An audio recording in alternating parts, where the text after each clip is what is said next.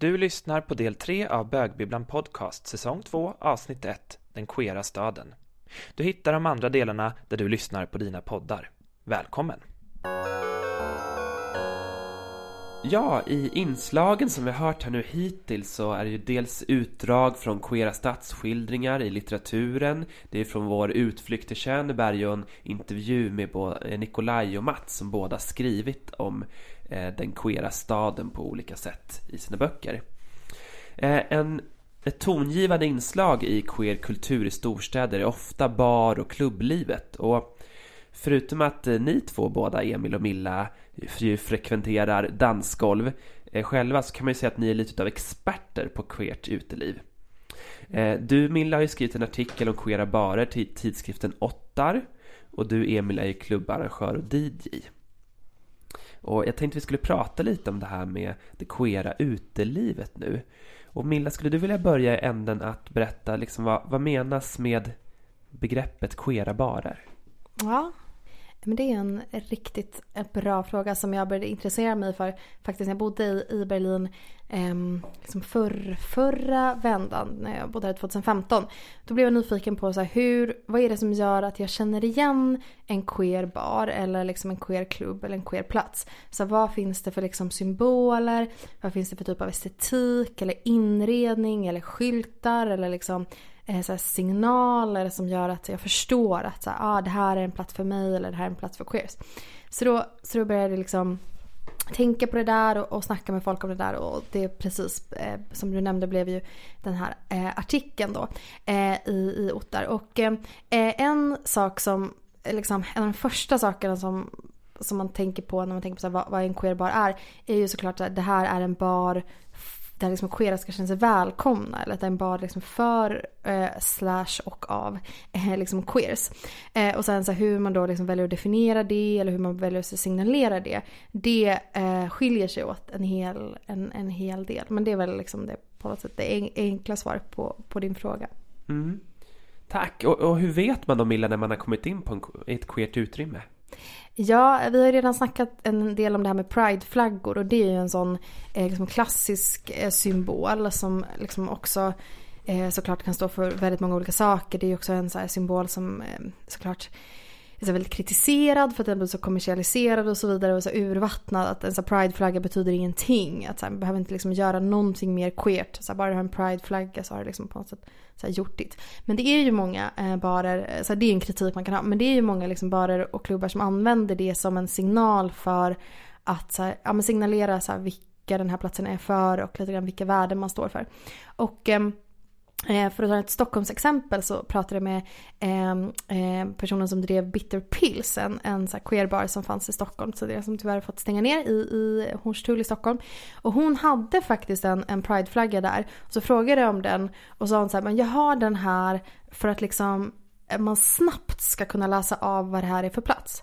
För att en, en så queer person eh, skulle kanske kunna känna igen att man förstår vad det betyder att det finns en kanske en skyltdocka som är crossdressad eller det kanske finns en dildo någonstans eller det kanske finns liksom så här homoerotiska bilder i, i bad, alltså på toaletten och så. Men så här, för en person som bara går förbi eller en person som kanske inte är queer och så förstår de här signalerna och de här liksom, eh, tecknen eh, så är det ett liksom jättesnabbt sätt att liksom bara säga att så här, vad det här är för plats och, och på något sätt vilka värden man, man står för. Mm.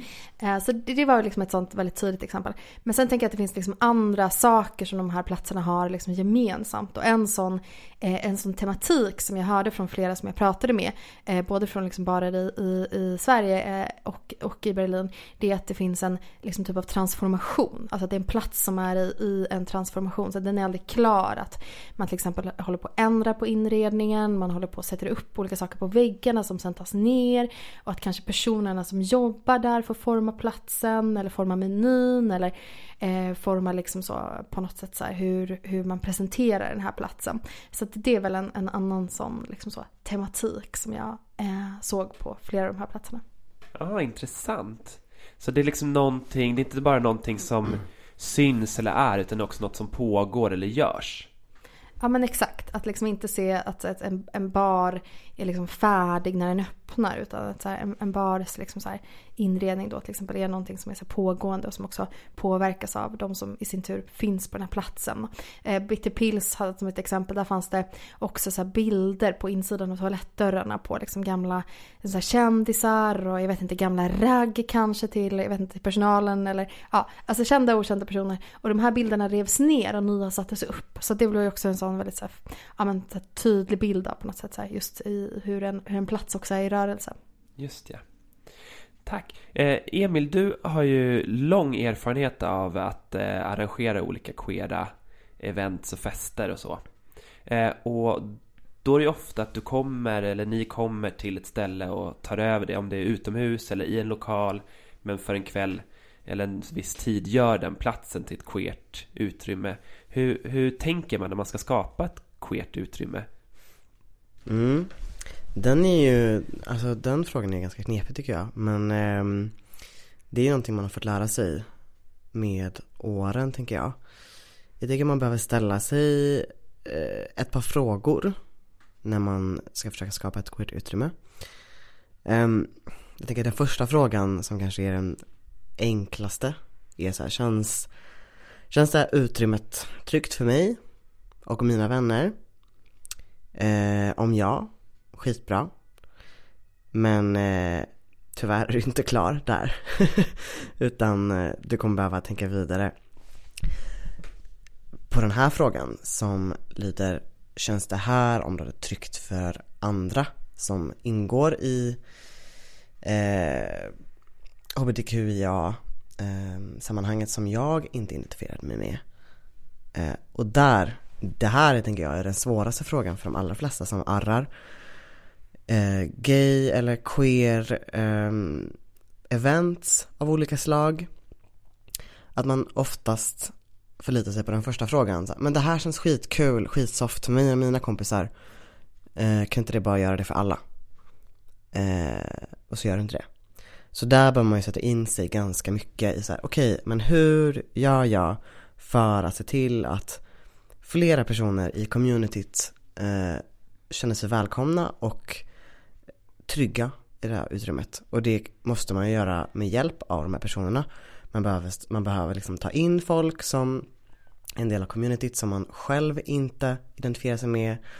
Man behöver bara föra samtal eh, och inte bara utgå ifrån sig själv. Eh, det tänker jag är två väldigt viktiga frågor.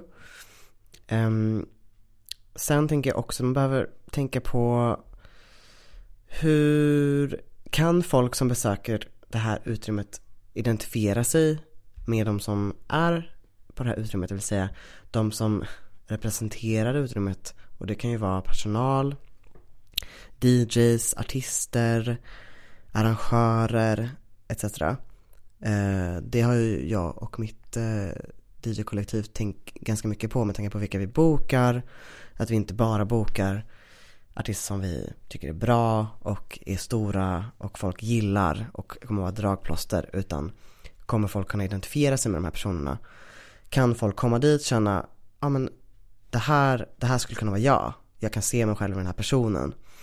Och inte bara då utifrån eh, artisterna utan också utifrån vilka som jobbar där, vilka som jobbar i dörren, vilka som jobbar i baren.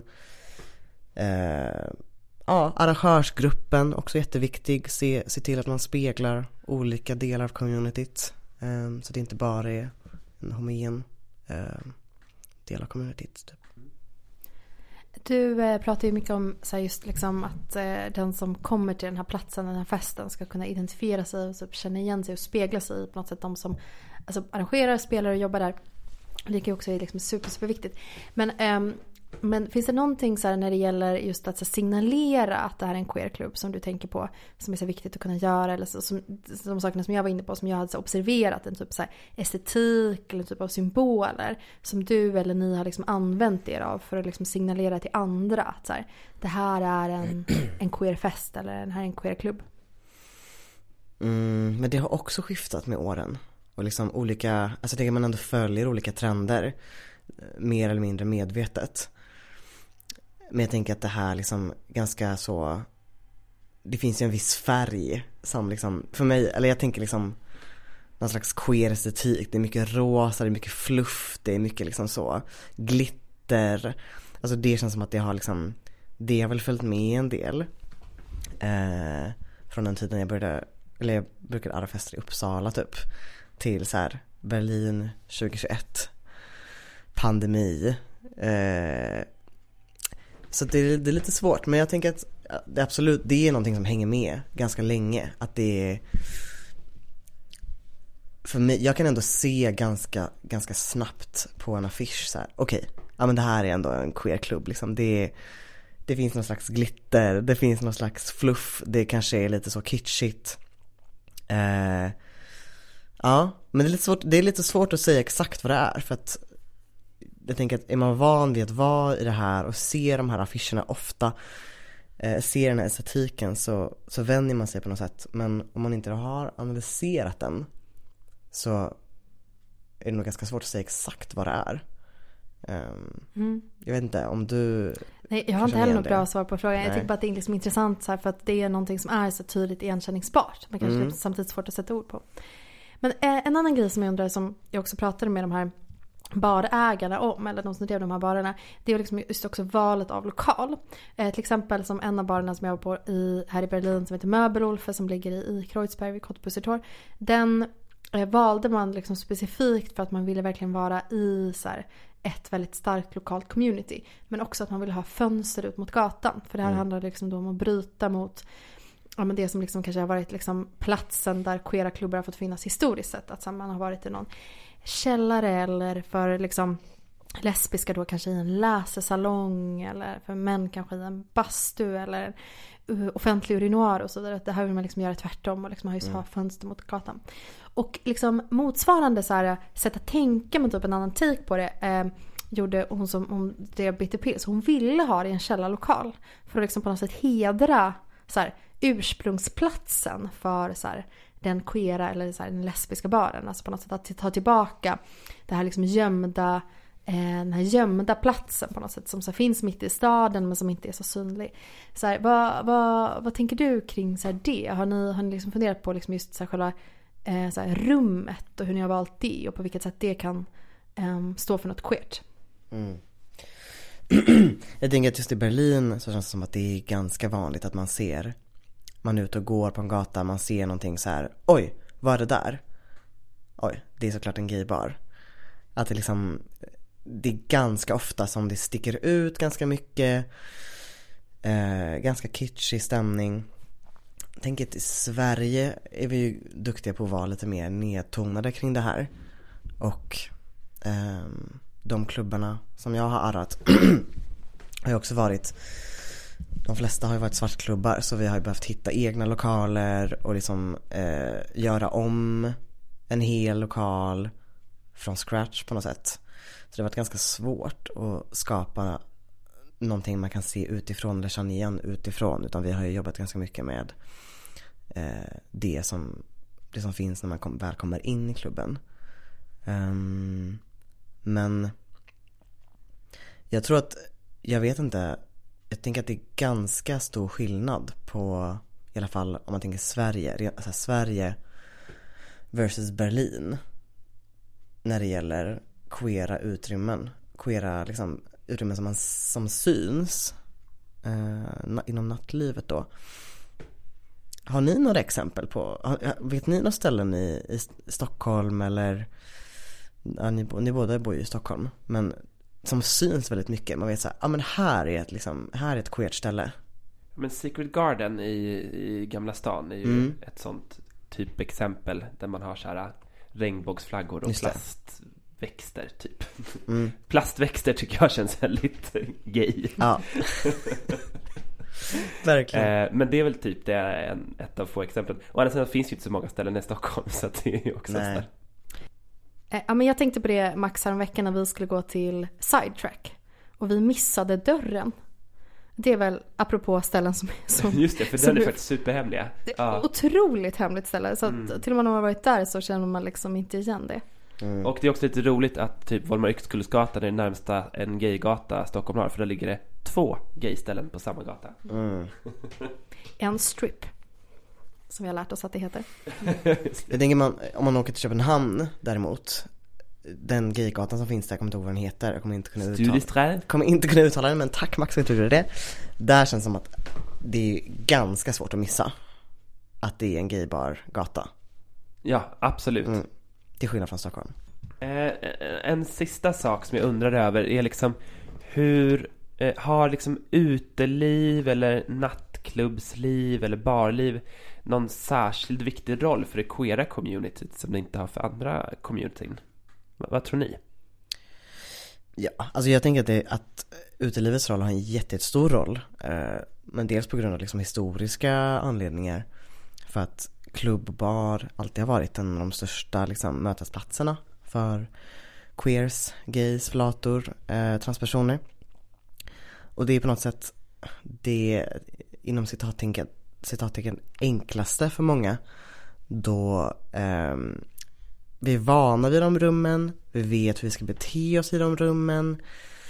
Eh, men människor som däremot inte känner sig så hemma i de rummen kan ju ha jättesvårt för att träffa nya människor. Eh, ja, det finns ju inte alls lika många mötesplatser som inte är inom nattliv, som har eh, en liksom väldigt eh, stark alkoholnorm, drognorm. Det, råder, det finns mycket berusning, det är någon slags eh, sexuell stämning, det är högljudda miljöer. Det, det är ju såklart inte alls inkluderande för alla människor. Um, men ja, jag tänker, att det, jag tänker att det definitivt spelar en superstor roll på det sättet.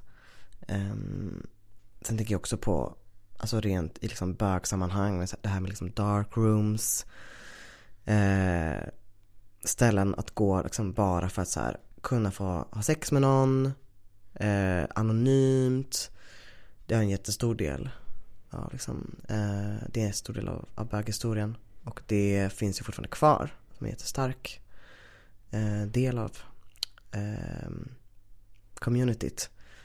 Så ja, jag tänker att det är Det är någonting som finns i vårt eh, arv eh, så mm, att eh, utelivet är en viktig plats i många queera communities. exakt. Jag tänker att nu ska vi eh, bege oss till Paris och där ska vi få eh, höra lite om en annan typ av mötesplats som är lite mer dagsbaserad. Det är i oktober 2021 och jag sitter i ett område i Paris kallat Marais. Det är ett område som huvudsakligen består av byggnader så gamla som 300, 400 eller 500 år. Området ansågs länge så nedgånget att man diskuterade om det skulle rivas innan det slutligen beslutades att det skulle bevaras för framtida generationer. Under 1970-talet fylldes området av queers, bögar och flator och har sedan dess haft rykte om sig att vara Paris gaykvarter. Under 1980 och 90-talet och in på 2000-talet var det här självklara kvarter att besöka för att möta andra queers i Paris. Men i takt med att Paris hyror har skjutit i höjden har barer, affärer, restauranger, kaféer och andra mötesplatser för queers stängt eller flyttat till andra områden.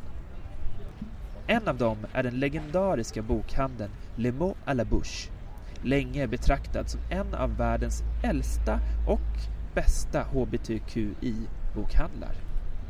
Le Mot à la Bouche har precis som många andra queera bokhandlar i europeiska och amerikanska storstäder fungerat som en knutpunkt för en rad verksamheter.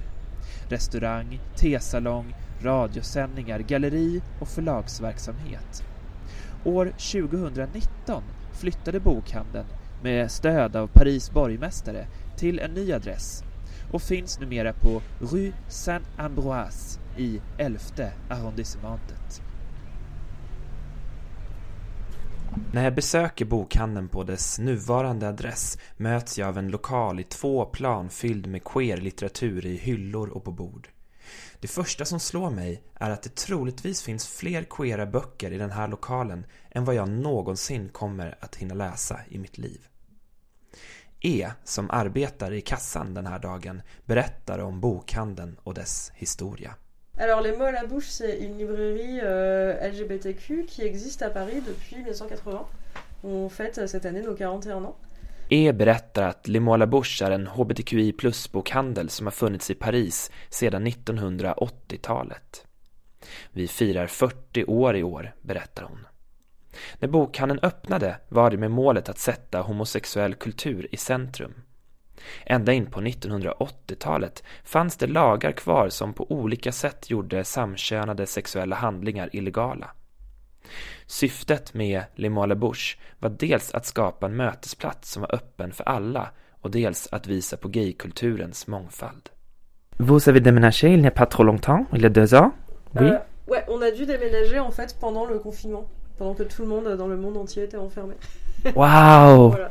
Est-ce que tu peux me dire pourquoi vous avez obligé de déménager? Alors on a dû déménager parce que fin 2019 notre propriétaire a Idag ligger bokhandeln på Rue Saint-Ambroise i 11 arrondissementet efter en flytt under pandemin.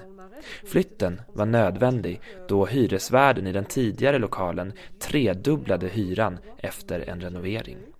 Euh, parce qu'évidemment, il était hors de question pour nous de fermer. Euh, donc on a cherché et on a trouvé le local où nous sommes aujourd'hui, euh, qui, comme le Marais, est un local sur deux étages avec à peu près la même euh, superficie. On est sur un peu plus de 100 mètres carrés avec un rez-de-chaussée, un sous-sol, un bureau pour nous. Det var aldrig någon fråga om att vi skulle stänga butiken. Vi letade och hittade den här lokalen. Idag mår butiken bra, vi är glada. Vi har återfått våra tidigare kunder och det återkommer fortfarande många för första gången till den nya adressen. Vi har besökare från hela Frankrike och världen. Vi har också arbetat med att omforma verksamheten till ett kooperativ som ägs av oss som arbetar i butiken, berättar E. Jag frågar E om flytten från Marais till det elfte arrondissementet.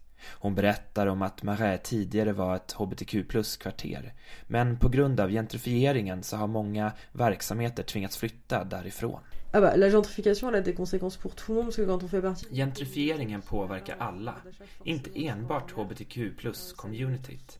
Alla som tillhör ett community som inte har tillgång till så mycket makt påverkas av gentrifieringen. Rent konkret märkte vi att de flesta av våra kunder inte längre bodde i Marais. Många bor i 11 arrondissementet, där vi är nu, eller 19 eller 20 arrondissementen, eller helt enkelt längre ut i förorterna. Gentrifieringen sätter ett tryck på alla grupper som är i en osäker situation i en storstad som Paris. Att hyra något är svårt i Paris och att ha en lokal är dyrt. Vi hyr vår lokal med subventionerad hyra som garanteras av den lokala stadsdelen för att den inte ska bli för hög så att vi inte ska behöva bli överraskade med tredubblad hyra plötsligt.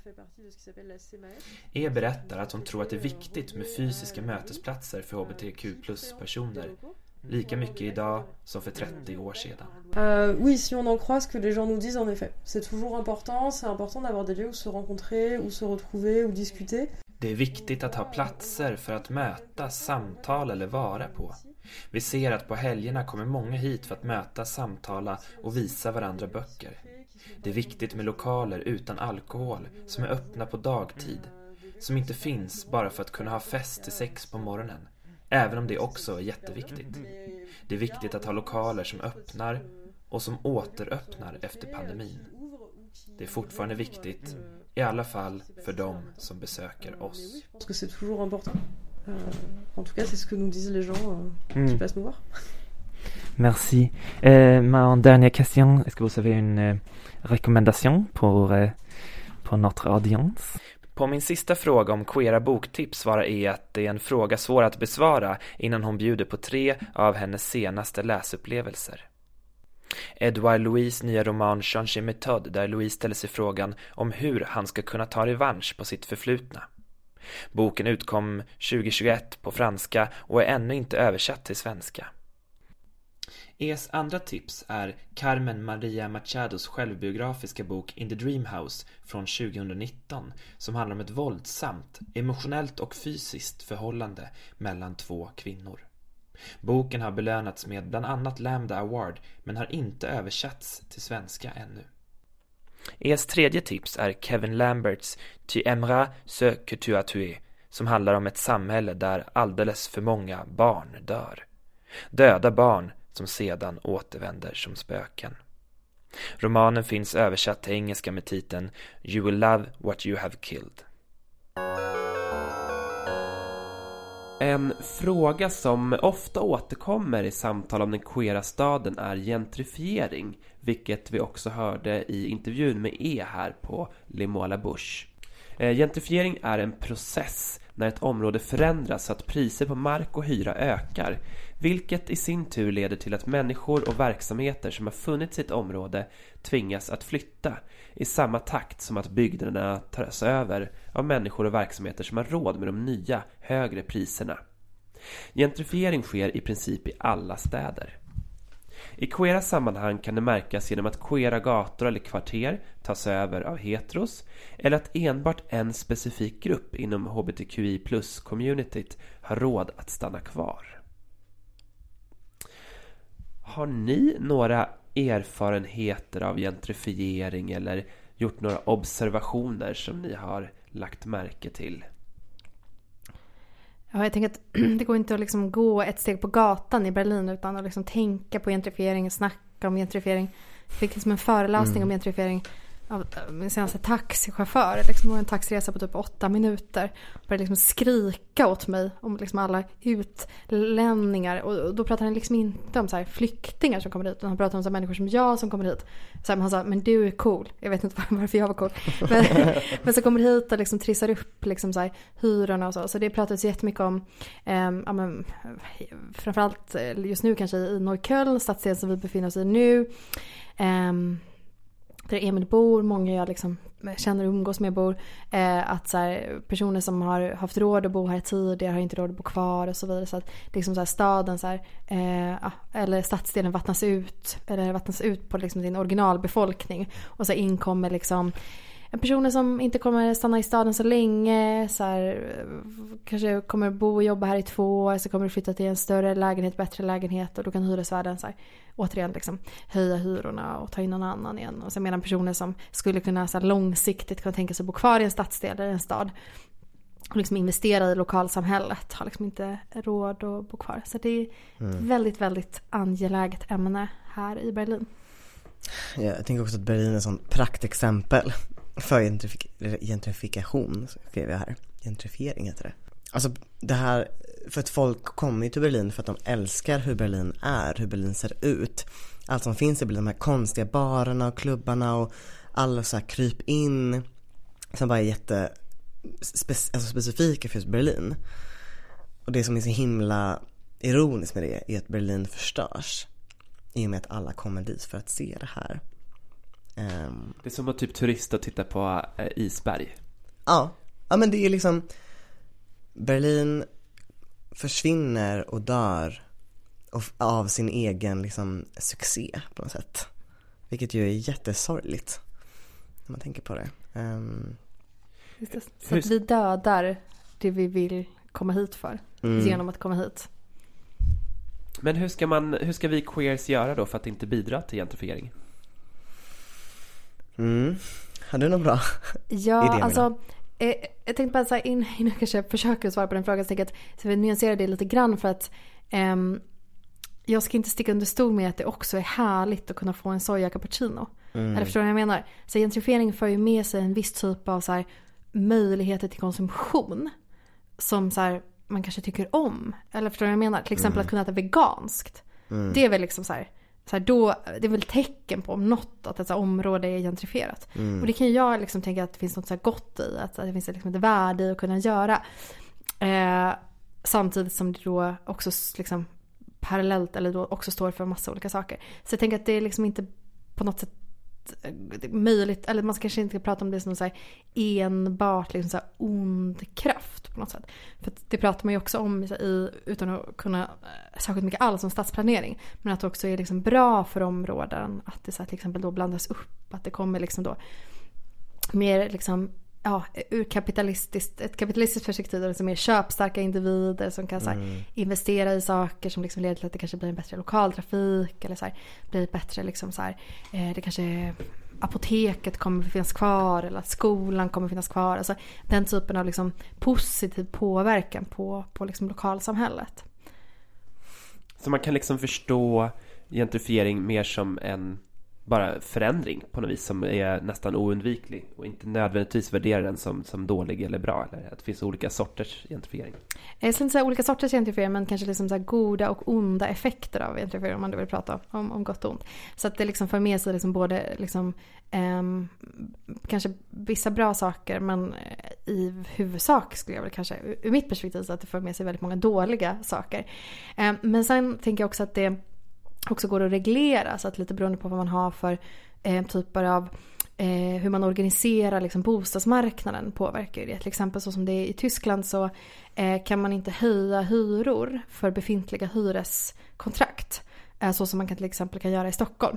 Eh, så det gör ju att eh, liksom, eh, om du är en person som då, som jag var inne på tidigare, sannolikt inte kommer bo kvar särskilt länge på ditt hyreskontrakt så har du ett försprång liksom, i att få en, en hyreslägenhet. Det finns inte heller någon typ av offentlig bostadskö så att det är liksom så här, först till kvarn eller så eh, genom så här, massa, massa, massa olika privata hyresvärdar. Så att det är liksom på något sätt att så här, det, det är också ett system som liksom premierar den här typen av så här, eh, ekonomiska beslut liksom av hyresvärdarna. Så här, de tjänar på att ta in Eh, en person som mig till exempel då som kanske inte har barn eller gissningsvis kommer flytta eh, om ett tag och så. Så att, så, här, eh, så att jag tänker att det finns liksom system som så här, understödjer en gentrifiering och också system som liksom motverkar gentrifiering. Så det är kanske mer då politiska beslut som det handlar om? Eh, absolut, i väldigt hög grad. Skönt. du menar att du är, är liksom skuldfri här nu? Exakt så kändes du, det. Du kan dricka din sojalatte i fred och mysa på något härligt mm. brunchställe. Exakt. Mm. Men hur ska vi som queers liksom se på gentrifiering?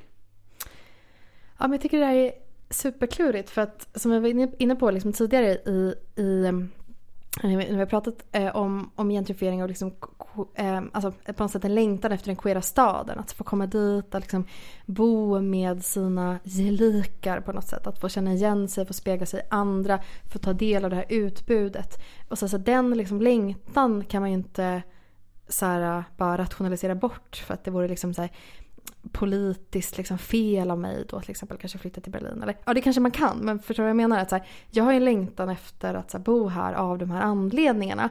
Eh, men genom att göra det som vi var inne på så liksom smälter det här isberget som är Berlin. Så att, eh, så att det, det är jättesvårt. eh, samtidigt som man då genom sin närvaro, särskilt om man då är en, eh, ja men då kanske en, en relativt resursstark person, så här, man är från medelklassen, whatever, man har ett jobb, man har råd att bo på den här platsen. Då liksom omöjliggör man då för någon annan, eh, queer, icke-queer, eh, att, att bo där. Eh, så ja, det är supersvårt. Mm. Jag tänker också att jag, jag tänker mycket på, om jag är tillbaka till Sverige och liksom eh, där jag började arra eh, klubbar och så. I Malmö var det ju ganska stor gentrifieringsprocessen under de, de åren jag bodde där. Um, det finns ju en gata i Malmö som är ganska känd för alla sina svartklubbar, kommer inte nämna den vid namn. um, men jag tror att de flesta som eh, känner till Malmö kommer känna igen det här. Det fanns en gata som var liksom epicentrum för svartklubbar och också då queerklubbar som arrades där. Um, väldigt icke-kommersiellt nattliv. Eh, det städades bort, om man eh, förklarar det på det sättet, av Malmö stad som tyckte att men vi vill, vi vill, vi vill göra det här till ett familjevänligt område. Det ska vara lite ruffigt, det ska gärna vara lite så industriellt, lite så, men, men inte för mycket.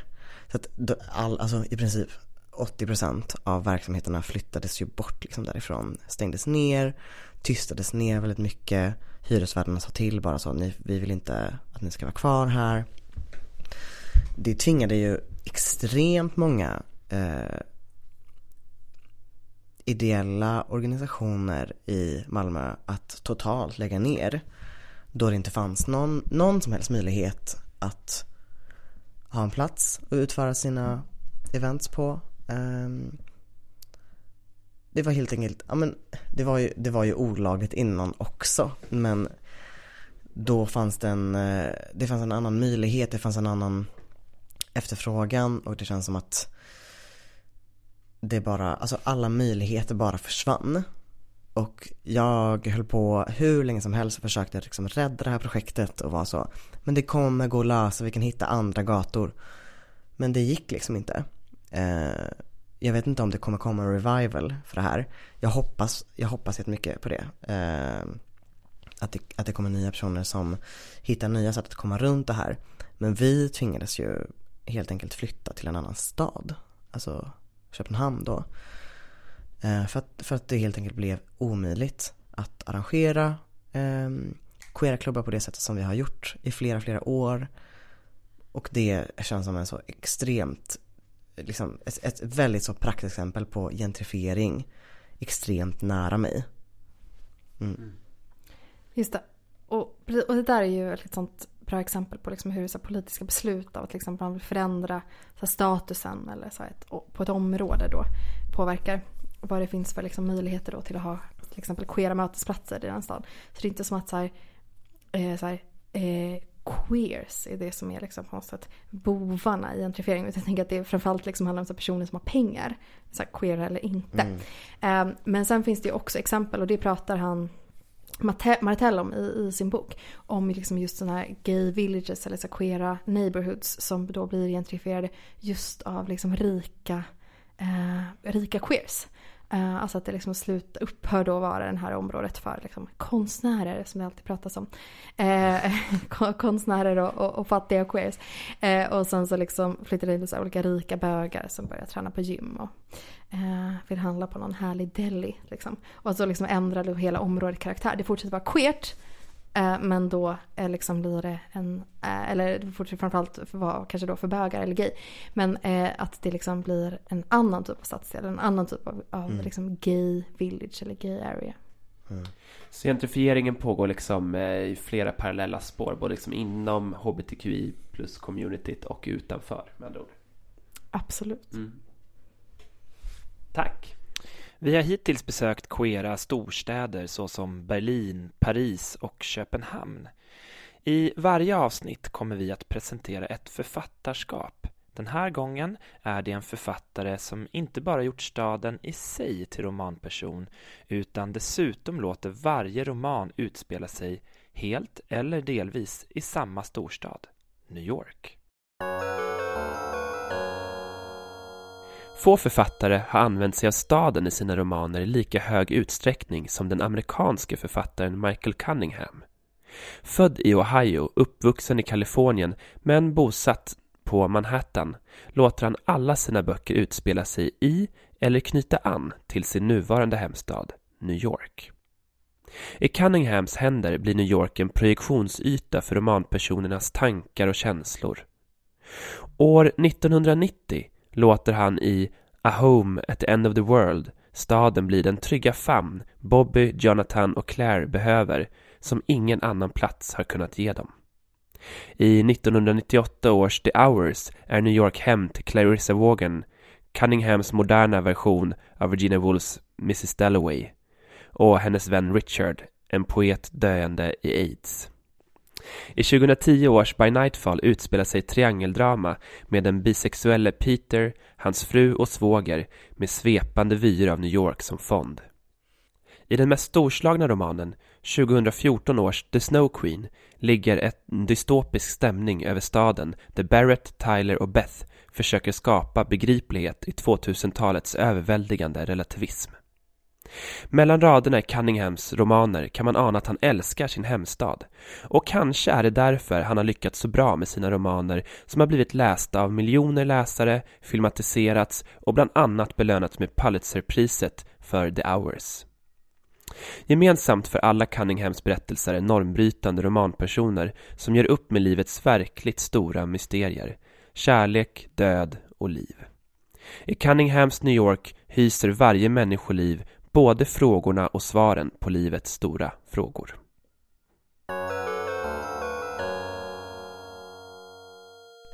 Nu ni, Max och Emil, nu har vi kommit till slutet av dagens avsmakningsmeny. Det var en riktigt diger meny typ. tio rätters på temat Den queera staden. Det har varit så kul att få lyssna på er. Och såklart alla våra gäster som vi har haft med här i programmet. Men innan vi rundar av vill vi tipsa er om några böcker på temat. Ja, Kul. Vad jag har vi har några eh, boktips på tema queera städer. En som jag vill börja tipsa om är faktiskt en lite av en klassiker. City of Night av John Reshi. Jag tror man uttalar hans efternamn så, det känns så i alla fall. Amerikansk författare. Eh, en sån här skandalbok eh, när den kom ut Eh, under, vad kan det vara, ett 50-60-tal som handlar om en eh, sexarbetare som rör sig mellan olika amerikanska städer och vi får många sådana eh, skildringar av det amerikanska böglivet i, på gatan under 50 och 60-talen. Mitt andra tips är Absolut Noll av Anna Fock Eh, som vi hörde ett utdrag från tidigare som utspelar sig i Sankt Petersburg och kretsar kring en grupp bögar. Och eh, ett tredje tips Jenny Wahls Kokong, jätteintressant bok som utspelar sig i en fiktiv stad. Jag håller på att läsa den just nu och det är en sån där bok där man känner så här att man liksom inte riktigt kan ana riktigt vad som väntar en. Men det handlar om en utbytesstudent i en fiktiv stad och jag har så enormt höga förväntningar. Mitt sista tips är ett lyssningstips. Eh, det är en eh, följetong, en poddföljetong som heter The Prospectives av Adam Hurley. Eh, och den utspelar sig faktiskt i Berlin. Eh, och handlar då om en eh, amerikan som eh, upptäcker Berlin kan man säga och eh, därigenom kanske sidor av sig själv som man inte kände till tidigare. Väldigt eh, härliga, behagliga 15 minuters avsnitt som känns som att man blir transporterad till den här staden. Fint. Jag har också två tips jag vill kasta in. Birgitta Stenbergs Kärlek i Europa, som vi också hörde ett utdrag från tidigare. Eh, skildrar verkligen eh, en typ av eh, liksom en, en queer person som liksom upptäcker Europa eh, ju efter andra världskriget. Eh, och besöker till exempel olika lesbiska barer som ni hörde om, eller homosexbarer som det var i det här eh, klippet tidigare. Eh, men också eh, brev från arabiska bögar, Khaled Esmail. Om ni inte orkar läsa hela boken så kan ni lyssna på vårt avsnitt från säsong 1 där det också finns flera olika skildringar av eh, queera platser eh, i städer i, runt om i världen till exempel. Kairo bland annat. Så lyssna in det avsnittet eller läs den boken om ni inte redan gjort det. Precis, och alla böcker som vi har nämnt i det här avsnittet och eh, säkert ett eh, gäng fler som vi kommer komma på senare kommer vi att eh, kan ni hitta i, på vår hemsida bokbibblan.se. Det finns en lista över alla böcker vi nämner. Där finns det 160 tips. Svindlande. Wow. Bara queer litteratur. Så, då var vi klara för idag. Magiskt! Säsong två, boom! vilken start! Jäklar. Och Emil, ett så extremt stort tack till dig för att vi har fått eh, dels ha dig som gäst, ljudtekniker, men också att vi fått låna din eminenta studio här i mördarkvarteren i Berlin. Det var jättekul att få vara med och ha er här. Tack så jätte, jättemycket. Tack. Nu ska vi ut i Berlinnatten. Ja, Milla, vad ska vi hitta på? Dricka mer Berliner pilsner. Gör något dumt? Mm. Det hoppas jag verkligen. Ja. Och eh, om någon månad eller så så ses vi nästa gång. Tills dess, ha det bra allihopa. Hej då! Hej då!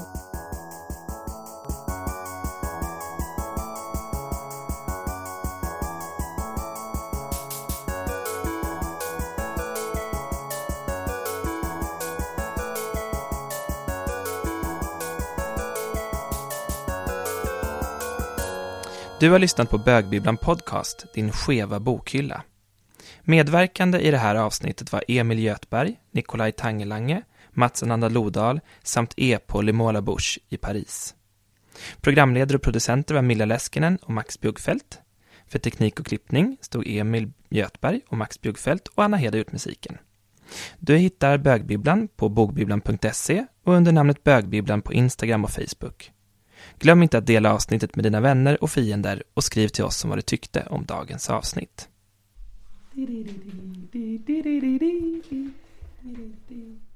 Cool!